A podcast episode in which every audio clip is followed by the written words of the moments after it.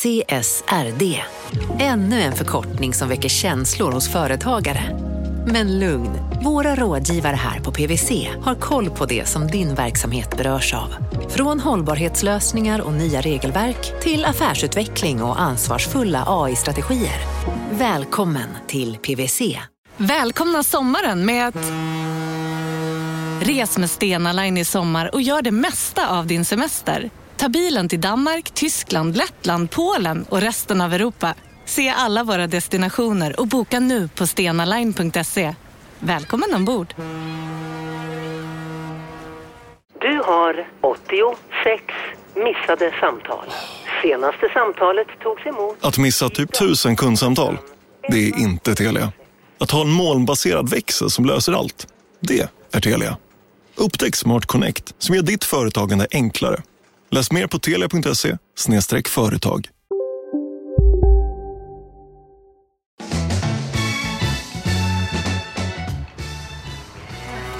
Där är korna! Gunnar, du vet ju hur jag känner för mjölkgårdar. Mm, det är det bästa du vet.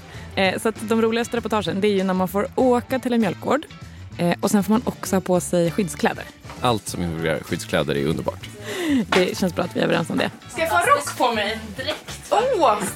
Det var liksom inte en rock jag skulle sätta på mig utan det var en sån här stor vit eh, overall. Alltså ännu bättre. Eh, och så hårnät såklart och eh, matchande vita foppatofflor. De här skyddskläderna var alltså nödvändiga innan jag och Sara Runsten, som vi hörde här, kunde gå in i nästa rum där det pågick saker. Ja, här pågår det en mängd olika häftiga grejer faktiskt. Men det är mest för nördarna kanske. För en utomstående så ser det inte mycket ut för världen. Och det här är Filip Larsson. Det som inte ser så mycket ut för världen, det är ystning. Okej, ystning. Det handlar om ost det här. Det handlar om ost. Eh, Filip Larsson och Sara Runsten de gör helt enkelt ost, eller stekost för att vara lite mer exakt, eh, i ett litet mejeri utanför Skara. Det är någonting som vi har här nere på Slätta. Och det har de gjort i ungefär två år nu. Det går rätt bra. Folk verkar gilla deras eh, stekost. I år så satsar de på att omsätta typ två miljoner. Allt gick som på räls. Fram tills eh, i höstas någon gång. Då det som ett brev på posten damp ner ett, eh, ett, ett faktiskt brev från en eh, etablerad advokatfirma någonstans i Sverige som skulle eh, försvara Halloumis rätt till varumärket Halloumi. Okej, den här advokatfirman, de företräder ju någon. Vilka är det som vill försvara halloumins rätt till varumärket halloumi? Foundation for the Protection of the Traditional Cheese of Cyprus named Halloumi, stiftelsen. Okej, så många frågor just nu. Jag förstår det. Du kommer snart att få svara på alla de här frågorna. Saras och Philips stekost hette nämligen Filomi. Mm. Det är lite likt halloumi, Jättelikt till och med. tycker den här stiftelsen på Cypern i alla fall. Det finns alltså en stiftelse på Cypern. Och det ska tilläggas att de har världens längsta namn. De lägger pengar på att anlita en advokatbyrå för att två personer på Slätta i Skara gör en ost som heter någonting som nästan heter halloumi. Eh, korrekt. Eh, det här kanske låter lite märkligt. Men cyprioterna menar att halloumi, som liksom har blivit synonymt med stekost, Mm. kan man säga. Eh, det är det mest cypriotiska som finns. Och att skydda halloumiosten från att bli typ kidnappad av andra länder som kanske också vill eh, göra stekost, det är superviktigt för cyprioterna. Jag kanske inte skulle gå så långt som att säga att det är på liv och död, men nästan. Uh, Cypriot producers don't think this is a joke. Så idag handlar kapitalet om rätten att få tillverka en gnisslig ost som inte smälter och hur en ö i Medelhavet verkar ha satsat allt på ett kort. Vilket kort det är efter det här.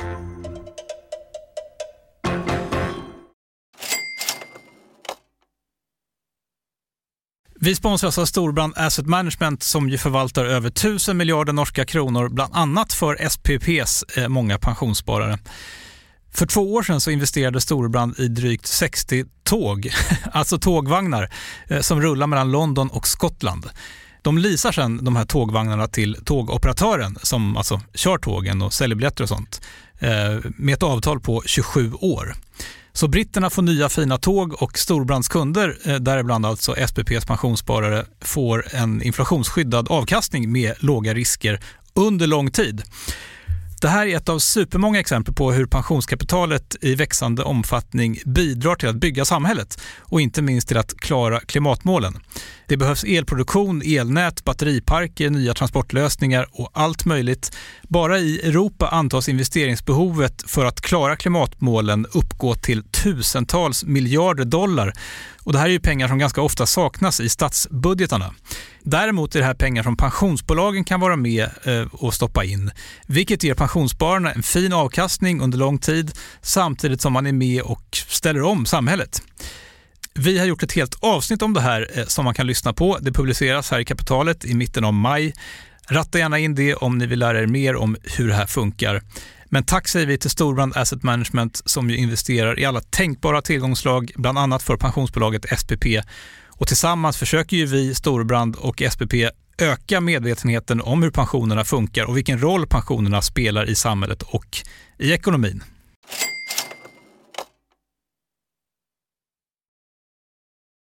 Jag har eh, varit på studiebesök då i ett mejeri på Slätta. I Skara. Ja. Eh, Filip och Sara som driver det här lilla mejeriet, de har, ja, men de har alltid gillat att testa nya grejer. De har bryggt öl och jada jada. Och eh, Filips pappa råkar som av en händelse driva en mjölkgård. Vilken dröm. Wow. Ändå. Mejeriet ligger alltså på den här gården. Det är ett litet hus i anslutning till eh, mjölktanken. Eh, det är också den här mjölktanken som man hör en del i bakgrunden i den här intervjun. Men den gick liksom inte att stänga av.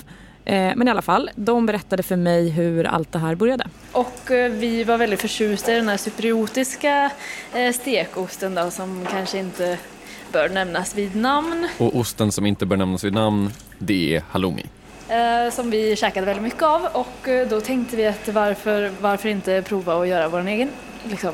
Så vi ställde oss i, i köket med en 10 liters gryta fyllde på med mjölk och tänkte att det här kommer gå hur bra som helst. Det här blir succé. Vi hittade något gammalt uråldrigt recept på internet. Eh, Okej, två personer runt en 10 liters gryta ska göra ost. Det luktar succé lång väg. Ja men typ. Eller det blev i alla fall eh, ost. Jag är inte säker på att det hade blivit det om jag hade gett mig på samma projekt. Tro, eh, tror det eller ej, men vi fick faktiskt en väldigt god ost på vår första ystning. Sen är det ju så med Sara och Filip att de är såna här driftiga personer som liksom inte bara nöjer sig med att de har gjort en god ost som de kan käka till middag.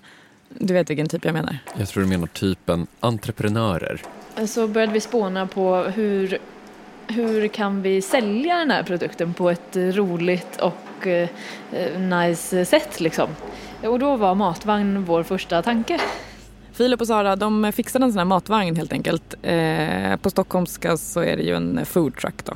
Reclaima matvagn säger jag. 27 maj 2017 så var det i alla fall eh, premiär för matvagnen då på matmarknaden i Skara. Eh, man kan väl säga att kvällen innan, eller ja, egentligen natten innan det här eh, gigget som vi skulle köra, så stod allt helt klart. Vi jobbade verkligen in i det sista med el och hej och hå och få till det som, så som vi ville.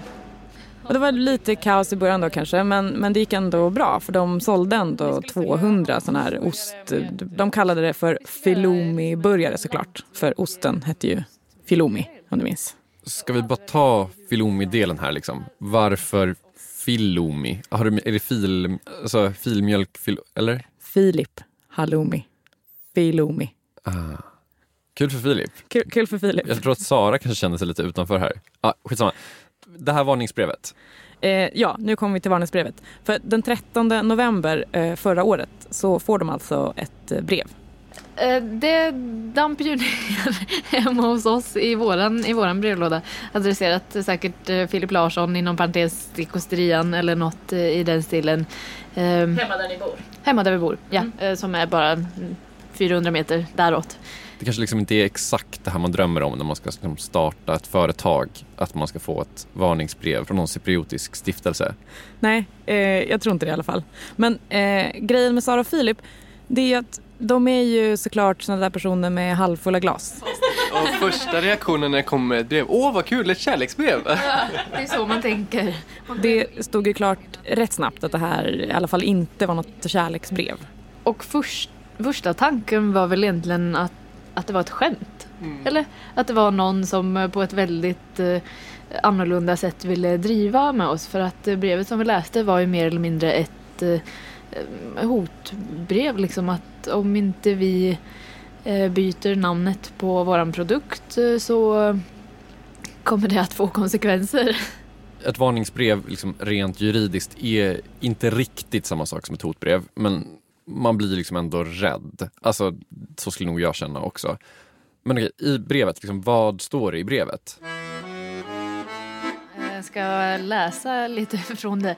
Eh, in... Högst upp så står det ansökan och användning av varumärket Filomi.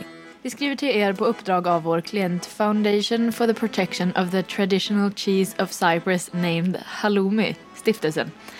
Eh, stiftelsen innehar det registrerade gemenskapsvarumärket Halloumi med registreringsnummer la la la la la. Ehm, Den här eh, stiftelsen har alltså ett så kallat eh, kollektivmärke. Det är, det är en varumärkesregistrering men man skaffar den liksom i grupp. enbart. Kollektivmärket Halloumi får enbart användas av eh, medlemmarna i Committee of Halloumi Producers för en viss typ av cypriotisk ost. Och Sara och Filip är inte medlemmar i Committee of Halloumi Producers. Eh, du har rätt, de är inte medlemmar där. Eh, den här stiftelsen menar alltså att namnet som Sara och Filip har valt, Filomi, det är för likt Halloumi som de alltså har skyddat med ett sånt här kollektivmärke. Jag är nästan benägen att hålla med. Det luktar lite så renommésnyltning faktiskt. Det är vår bedömning att varumärket Filomi för varan färska olagrade ostar är förväxlingsbart med varumärket. Eh, varumärket och f- Ja, när de skriver varumärket antar jag att de menar Halloumi. då. Eh, varumärket och Filomi är visuellt lika och lika till uttal. Till och med mycket lika till uttal. Och om de tycker att det är för likt så gissar jag att de, alltså den här kommittén, tycker att det som Sara och Filip håller på med är varumärkesintrång. Exakt, och det skriver de också i det här brevet.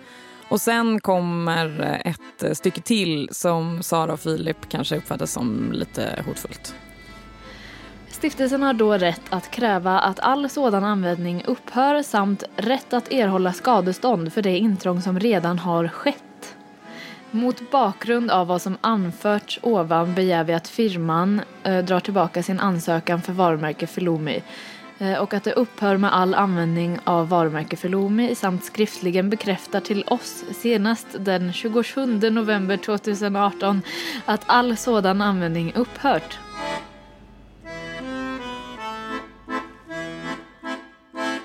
Ungefär här någonstans hade jag nog blivit lite så rädd på riktigt. Eller i alla fall väldigt nervös om jag var Sara och Filip. Alltså det var väl egentligen en ganska så stor klump i magen och på axlarna och, och, och allt eh, vad man kan säga och bara shit, vad, hur, hur går vi tillväga nu? Och sen så började ju tankarna snurra åt ganska många håll och Ja, vad ska vi göra? Våran ost finns med på den och den restaurangen och i deras menyer står det filomi. Alltså att, att det skulle bli dyrt oavsett om vi tar striden eller inte liksom. Eh, kostsamt men eh, Alltså ändå lite skönt att höra att de här två superoptimisterna liksom inte alltid ser glaset som halvfullt ändå. Och jag, jag tycker också att det är jätteskönt. Men eh, du kan ju gissa vad som händer sen. En sån här grej, Eh, det kan vara slutet för vårt företag och våra idéer men nu lyckades vi vända det till positiv energi som Bla bla bla, livet ger dig citroner och så vidare och så vidare och så vidare. Okej, jag fattar liksom att det finns en varumärkeslagstiftning och sådär men Sypen, tänker jag, de producerar ganska mycket mer, kanske till och med jätte, jätte, jättemycket mer halloumi än vad Sara och Filip lyckas producera Filomi i sitt lilla tvåmansmejeri utanför Skara. Så kan man inte vara... Alltså jag sa förut att jag tycker liksom att cyprioterna kanske har ett case här, men kan man inte också bara tänka vad spelar det för roll? Det lär liksom inte störa den så här cypriotiska exporten. Ja, det är så man tänker. Varför ger den här stiftelsen eh, sig på två ostmakare i Skara? Men då måste man förstå det här med halloumi. Det är på blodigt allvar för cyprioterna. Man skulle kunna säga att halloumi är för Cypern som Nürnberger Bratwurst är för tyskarna. Eh, Okej, så det är liksom så här pasta för italienarna eller sushi för japanerna. Att det är liksom det är en grej som liksom personifierar på något sätt liksom essensen i nationen. Exakt. Alltså halloumi är heligt för cyprioterna. Det är det finaste de har. Men sen som kanske exakt allt annat så handlar det såklart egentligen, eller i alla fall också, om pengar. För Cypern exporterar jättemycket halloumi. Det gör de. De exporterar jättemycket halloumi. Vi importerar jättemycket halloumi. Svenskarna är de som äter mest halloumi per invånare i världen. Eh, och den här halloumin kommer alltså nästan alltid från Cypern. Sverige är Cyperns andra största exportmarknad efter eh, Storbritannien. 2017 så importerade vi halloumi från Cypern för 25,4 miljoner euro. Så typ en kvarts miljard. Jag är inte hela den kvartsmiljarden men jag är en liten, liten del av den, det måste jag erkänna. Jag, jag är också med och bidrar. Tillbaka till den här varumärkesgrejen då. Den här superiotiska stiftelsen, de har skaffat ett kollektivmärke för namnet Talomi som de då verkar bevaka rätt flitigt. Men man kan säga att det är lite i väntan på the real deal. Alltså det som de egentligen vill ha. Nämligen en skyddad ursprungsbeteckning. Eller en eh, sub som man kallar det också. De har varumärket, men de har inte subben. Okej. Okay. Vi kanske kommer till varför det är så himla viktigt för dem att ha den här subben. Men hur får man en skyddad ursprungsbeteckning? Ja, men det ansöker man om hos EU. Eh, e det är en liten eh, halvkrånglig process i massa olika steg och det kan ta ett tag, ofta runt två år. Man har ändå gjort halloumi längre än två år på Cypern. Tänker jag. Varför har de inte en sån här? Jo, men de har ansökt. De har sökt eh, två gånger. En gång 2009. Den ansökan drogs tillbaka eh, två år senare. Sen ansökte de igen 2014. Än en gång, det här är längre än två år sedan. Det här är fem år sedan. Och om Cypern själva tycker att de liksom är 100% synonyma med halloumi, varför har de inte den här? Alltså, och varför vill de har den? Alltså vad är det som är så himla himla viktigt med att få en skyddad ursprungsbeteckning?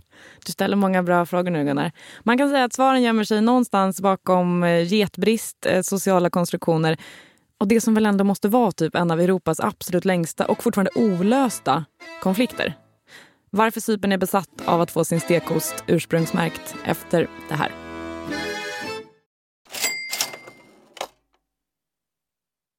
Kapitalet sponsras av Master Exchange, plattformen där du som privatperson kan investera i låtar och får pengar varje gång de här låtarna spelas. Eh, vi berättade ju senast eh, om barnlåten Puff the Magic Dragon som noterades av Master Exchange under våren. Nu har utdelningen på den låten kommit, eller royaltyn som vi säger i musikbranschen. Eh, den ligger på drygt 12% i årstakt och det här är ju en avkastning som är helt okorrelerad till eh, börsen. Till och med Goldman Sachs har börjat skriva om just musik som investering eh, just ur det här perspektivet. Nu finns en möjlighet att investera i en ny låt. Eh, låten heter Boss Bitch och den är av Doja Cat som, alltså jag ska inte säga att jag är superdeep här men det är ändå en, en person som jag vet om det är. En, en världskändis. Den här låten gav, baserad på förra årets spelningar, en avkastning på drygt 13% Master Exchange har just nu en väntelista på registreringar. Det, det, går lite för bra för dem kan man säga. Men skriver ni in kapitalet som promo code så kan ni runda kön och ansöka om andelar i låten Boss Bitch ändå. Om ni investerar helt vanliga pengar, det är inget krypto eller sånt där. Så vill du investera i musik och få en avkastning som är helt okorrelerad med börsen och kanske inte minst för att det är kul att äga låtar eh, så kan man gå in på masterexchange.com och använda kapitalet som promocode så går man alltså förbi kön. Kom ihåg dock att alla investeringar är förenade med risk men vi säger stort, stort tack till Master Exchange. Kapitalet sponsras av Karla, Jakob. Ja, bilar igen. Ja, det är eh, härligt. På Karla kan man sälja sin elbil eh, på det gissningsvis smidigaste sättet i Sverige Eh, Karla har ju ett nästan ett komiskt högt användarbetyg på Trustpilot. Mm. 4,8 av 5, vilket jag typ aldrig hört talas om. Nej, det är väldigt, väldigt högt. Eh, man knappar in lite info om bilen på sidan, sen får man en gratis värdering och ett bud. Accepterar du budet kommer Karla och hämtar upp bilen gratis och sätter in pengarna innan de kör iväg. Inget mer än så. Rätt fantastiskt. Nej, det är faktiskt ja. helt otroligt. Och eh, det kan bli ännu mer eh, otroligt än så. Eh, för att vi har nämligen en rabattkod som ger dig 2000 kronor extra för bilen. Så om du säljer din bil så får du två lax extra. Stämmer. Bara sådär. Koden är Monopol.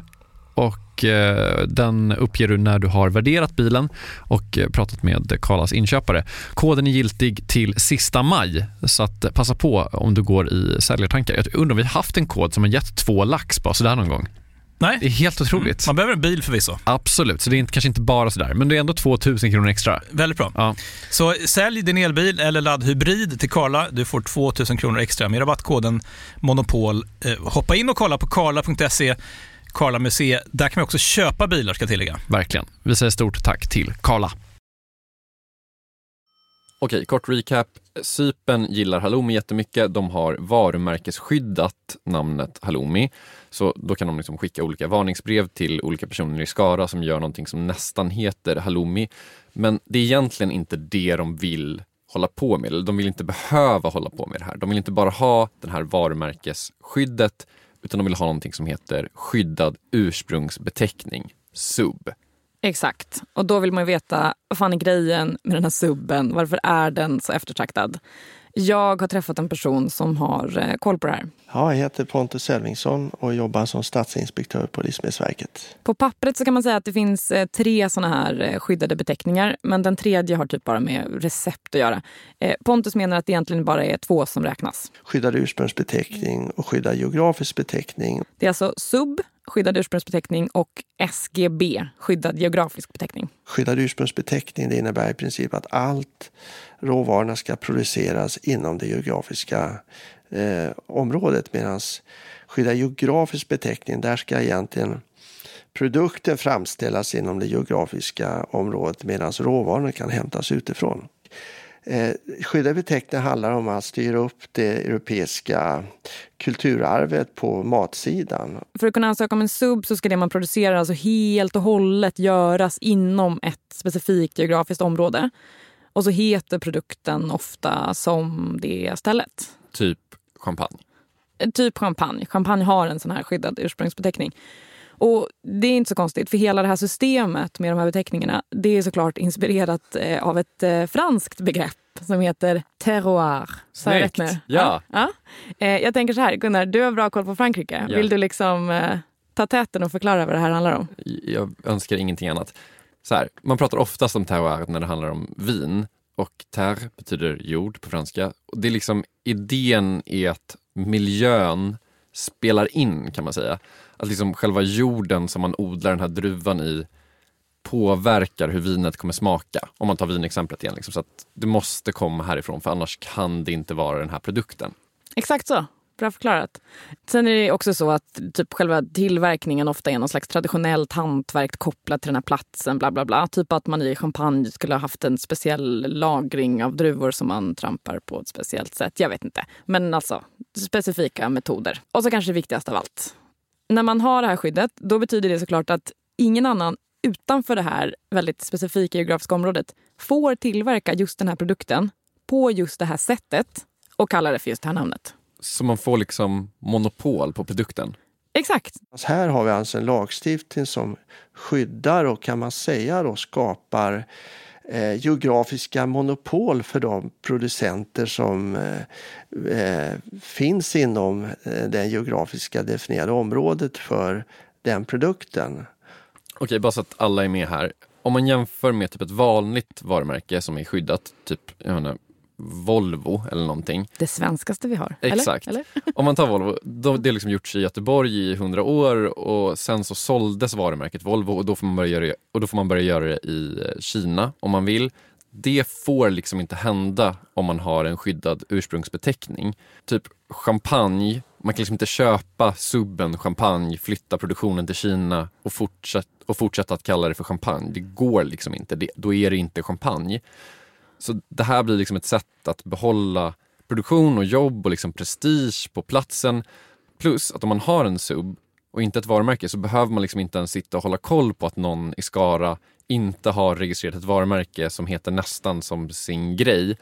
För har man en sub så håller alla livsmedelsinspektörer i Europa koll åt den. Superskönt. Superskönt, superpraktiskt. Eh, och sen tror man ju också att genom sådana här skydd då Eh, och de stimulanser som är kopplade till de här skydden då i form av eh, stöd då, som kan ges. Eh, det hoppas man eh, bidrar till att vi har eh, fortsatt en levande landsbygd och eh, i Europa då och även på sådana platser där jordbruket har av olika skäl svårt att konkurrera då. Sen ska vi komma ihåg att när en produkt får en sån här kvalitetsstämpel, det är liksom ett runt litet märke i olika härliga färger, då kan man också ta mer betalt för den.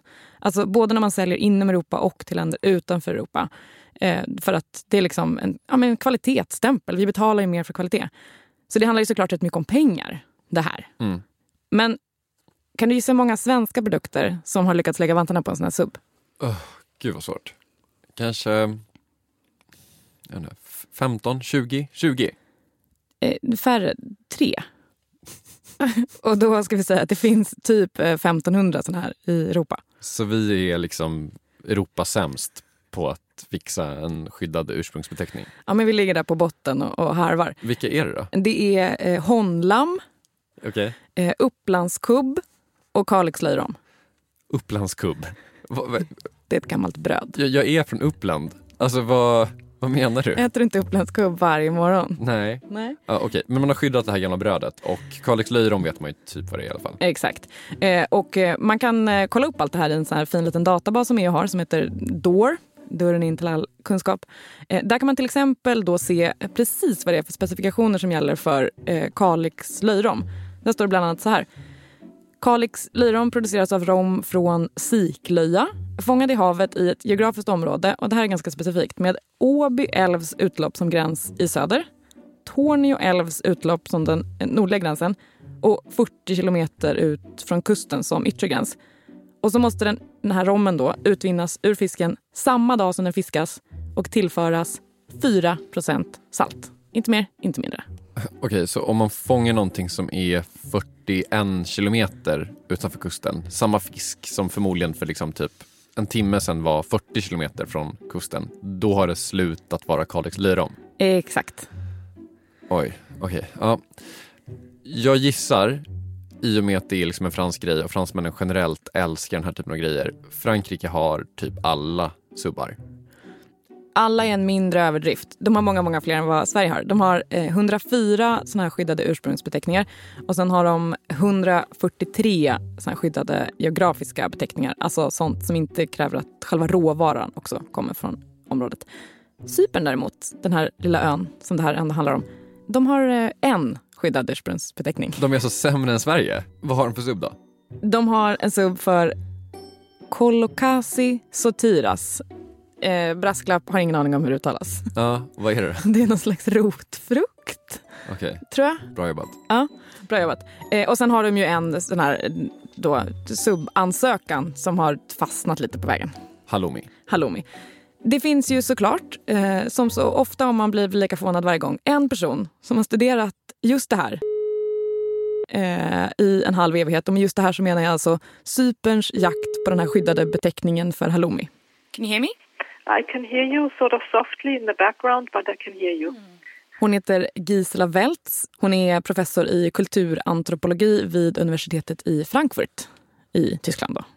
När jag hade fått ordning på tekniken så berättade hon att hennes intresse för allt det här det började när hon var på semester på Cypern. Och så eh, var det några av hennes akademikerkompisar som sa till henne said, well, you're anthropologists. You should not just come here for holiday. You should also do some work here.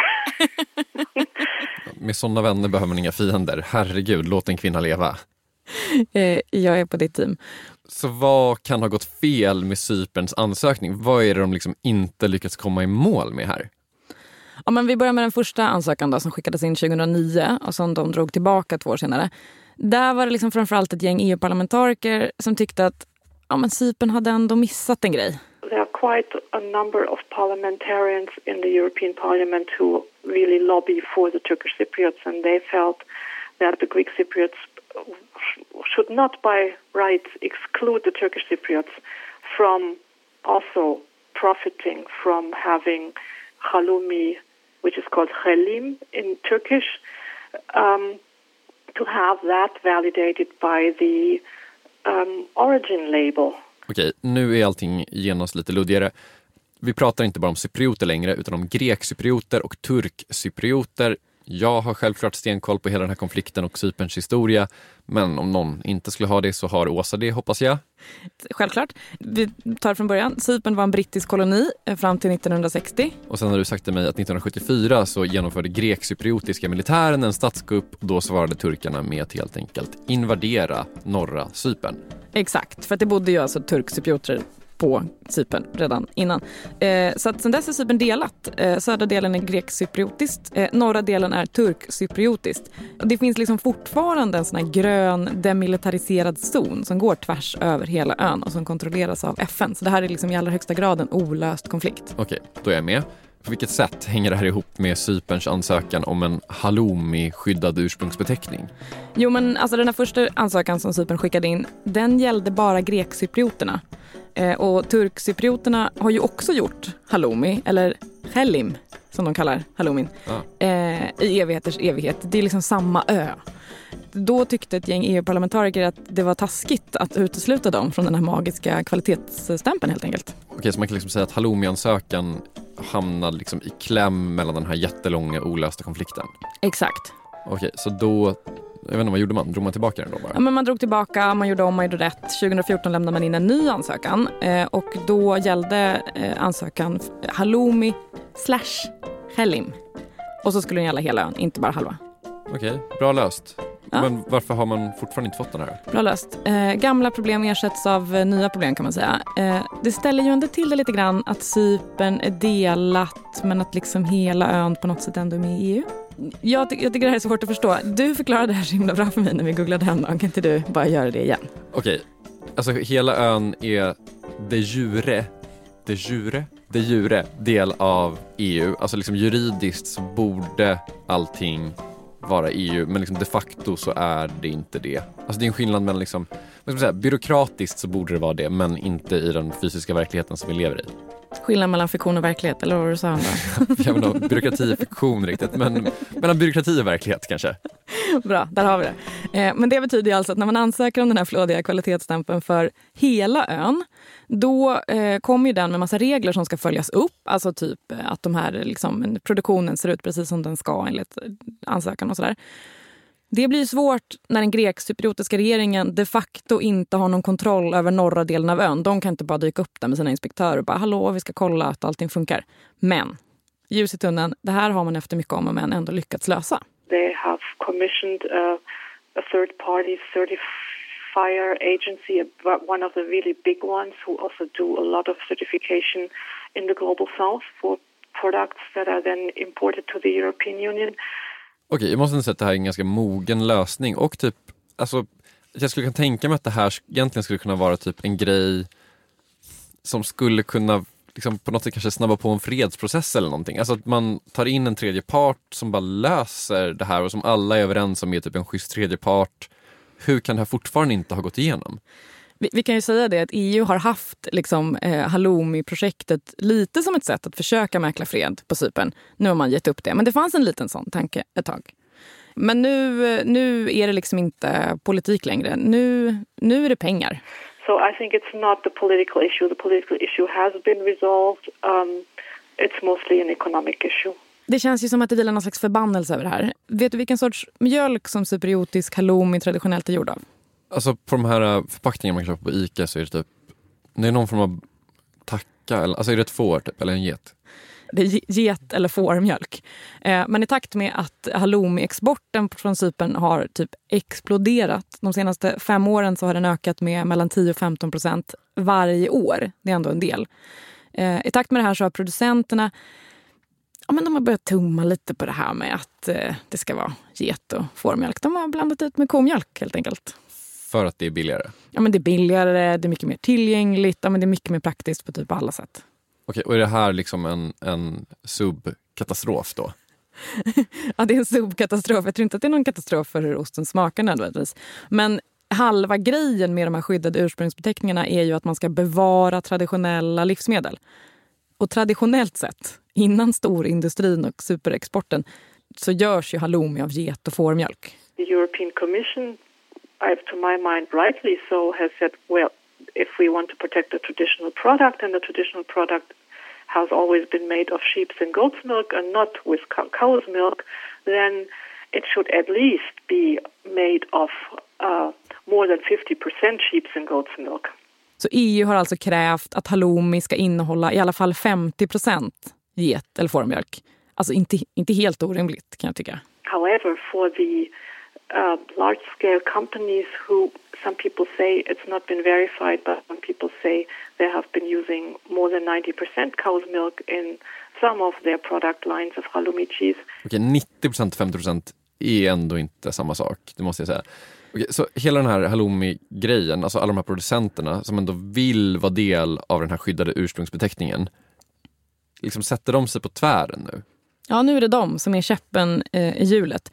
Men även om de skulle ge med sig och säga okej okay då, vi, vi kör mindre komjölk, vi kör 50 get eller fårmjölk, så skulle det inte gå. But the problem is that there's not enough sheep's and goat's milk available on the island at the moment mm. to have the big uh, companies uh, produce the volume of halloumi cheese that they have been producing. Okay, herregud! Ah, ja. Kan de lösa det här eller? Eh, ja, men de, de kämpar på, fast eh, status just nu är väl att det går eh, ganska dåligt. Det, det är låsta positioner. Cypern vill exportera en massa halloumi, företagen vill inte använda mindre komjölk och så vidare. och så vidare och så vidare. Gisela säger att hon har pratat med folk på Cypern ja, som typ har gett upp hoppet om att det här ska gå i lås överhuvudtaget. I have talked to some people recently in Cyprus, um, experts in the field, um, scientists who are in doubt whether the uh, PDO for halloumi will actually be issued at all. PDO är alltså eh, sub på engelska. Eh, protected designation of origin, tror jag för. Huh, det är turer i den här resan alltså, herregud. Kan du sammanfatta det här? Ja, men jag tycker vi hjälps åt. Eh, Cyprioterna älskar halloumi. Den är liksom helig. Cypern producerar och exporterar en jäkla massa halloumi. Halloumi är viktigt för dem. Och för att se till att de ska kunna fortsätta exportera massa halloumi, mest till oss kanske, och ta jättebra betalt för det, så vill de skydda det här med en skyddad geografisk ursprungsbeteckning, en sub, så att de inte blir utkonkurrerade av andra länder som bestämmer sig för att inte, massproducera stekost och kalla det för halloumi. Exakt. Eh, Cypern har ansökt om en sån här skyddad ursprungsbeteckning eh, två gånger. Och första gången var det bara sånt allmänt Cypernkonflikten-trassel. Andra gången var det trassel med att kontrollanterna inte skulle kunna genomföra kontrollerna. Men det har de löst. Men sen så fick de bastning från EU, för EU vill att halloumin ska göras på i alla fall 50% get eller fårmjölk. För det är liksom det som är halloumi i dess liksom traditionella bemärkelse. Halloumiproducenterna på Cypern bara nej det funkar inte. Vi måste få använda komjölk för det är mycket billigare så finns det mycket mer och vi kan inte tillverka alla de här sjuka mängderna halloumi om inte vi får använda komjölk. Och även om de eh, skulle vilja använda mindre komjölk så skulle det typ vara svårt för det finns inte tillräckligt mycket med får och getter på Cypern. Så just nu, eh, ingen sub, men vem vet, de kanske löser det. Okej, det är lite rörigt det här. Jag måste ändå säga att liksom, det här känns som att hela det här projektet med så skyddade ursprungsbeteckningar och liksom att man ska bevara det lokala och det liksom närproducerade, de traditionella metoderna. Alltså när man hör liksom att så här, ah, men vi kan inte bevara de traditionella metoderna för att vi måste producera halloumi för en kvarts miljard kronor varje år och då räcker inte den fysiska mjölken till. Alltså det känns lite som att det här typ har spårat ur. Att det liksom inte är att det skyddar så här europeisk matkultur utan kanske mest att det skyddar liksom storföretag, eller hjälper storföretag att så här, tjäna mer pengar typ. Ja men absolut. Jag känner också så när man läser om just det här exemplet i alla fall. Och då känns det ju himla tryggt att veta att vi inte är fel ute för vi har en tysk professor på vår sida. I would definitely say that this is an example of the food quality program of the European Union sort of being hijacked by economic actors for whom it was not necessarily intended in the beginning. I think it was originally intended for small rural producers, family run businesses who um, were really, really challenged by the globalization of agri-food markets. Men du, jag har en fråga kvar. Hur gick det för Filomi-gänget? Hur gick det för Sara och Filip? Det är återigen, när vi öppnat brevet då förstår vi att ja, nu kommer vi behöva ta hjälp av våran eh, goda vän telefonen här igen. Så ganska snabbt upp och ringa en massa samtal till höger och vänster. Eh, Jo, men eh, de läser det här brevet, de fattar, okej, vi måste prata med en advokat. De får kontakt med en advokat med hjälp av LRF. Och så bestämmer de sig typ på en gång för att så här, vi, ska, vi ska inte bråka om det här. Vi ska inte gå in i någon fight med en stiftelse på Cypern. Alltså att ta striden var väl egentligen inte något alternativ. Eh, både ekonomiskt och eh, tidsmässigt och allt liksom. Men De drar tillbaka varumärkesskyddet för Filomi hos Patent och registreringsverket. Och så skriver de det i ett svarsbrev till den här advokatfirman. Bara, vi lägger oss platt, eh, vi ger upp Filomi. Sen har de inte hört något, men de, de tror väl att det är lugnt. Liksom. Men är det här liksom en stor sorg för dem? Nej, alltså de är ju såna här, glaset är halvfullt, det här är en ny möjlighet, eh, personer. Så att eh, nej, inte en stor sorg. Okej, men de måste ju ändå hitta ett nytt namn. Exakt, det måste de. Vi kom med tre alternativ. Eh, varav det sista som var förankrat med vårt, eh, vårt gamla varumärke Filomi, vilket även landade i Filiostus. Då är det i samklang med Hokus Pokus Filiostus med beskrivning en magisk stekost. Filomi heter alltså numera Filiostus. Eh, det har de också anmält till eh, Patent och registreringsverket såklart. Men det tar några månader för dem att processa sin ansökan så de har inte fått svar än. Vi får se helt enkelt om det dyker upp några nya varningsbrev från Foundation for the Protection of the Traditional Cheese of Cyprus named Halloumi, stiftelsen. Okej, men, men faran är liksom officiellt inte över än. Även om The Foundation for the Protection of Traditional Cheese of Cyprus named Halloumi skulle ju vara fullständigt dåraktiga om de tyckte att Filiostus låter någonting som halloumi. Jag, jag, tror, jag tror att eh, Sara och Filip kan eh, sova gott om natten. Men eh, den som lever får se, som jag brukar säga. Eh, med de orden så är kapitalet slut för idag. Tack för idag Gunnar. Tack Åsa. Följ gärna Kapitalet på Instagram. Där heter vi snabel kapitalet logiskt nog. Vi är tillbaka igen med ett nytt avsnitt om en vecka. Hej då! Hej då.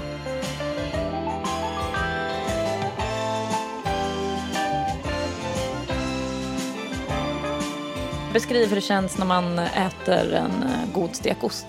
Ja, man, eh, de flesta av oss har förmodligen inte varit i paradiset, men det här är den enklaste vägen att eh, prova på hur det, hur det kan kännas. Ehm, kort och gott.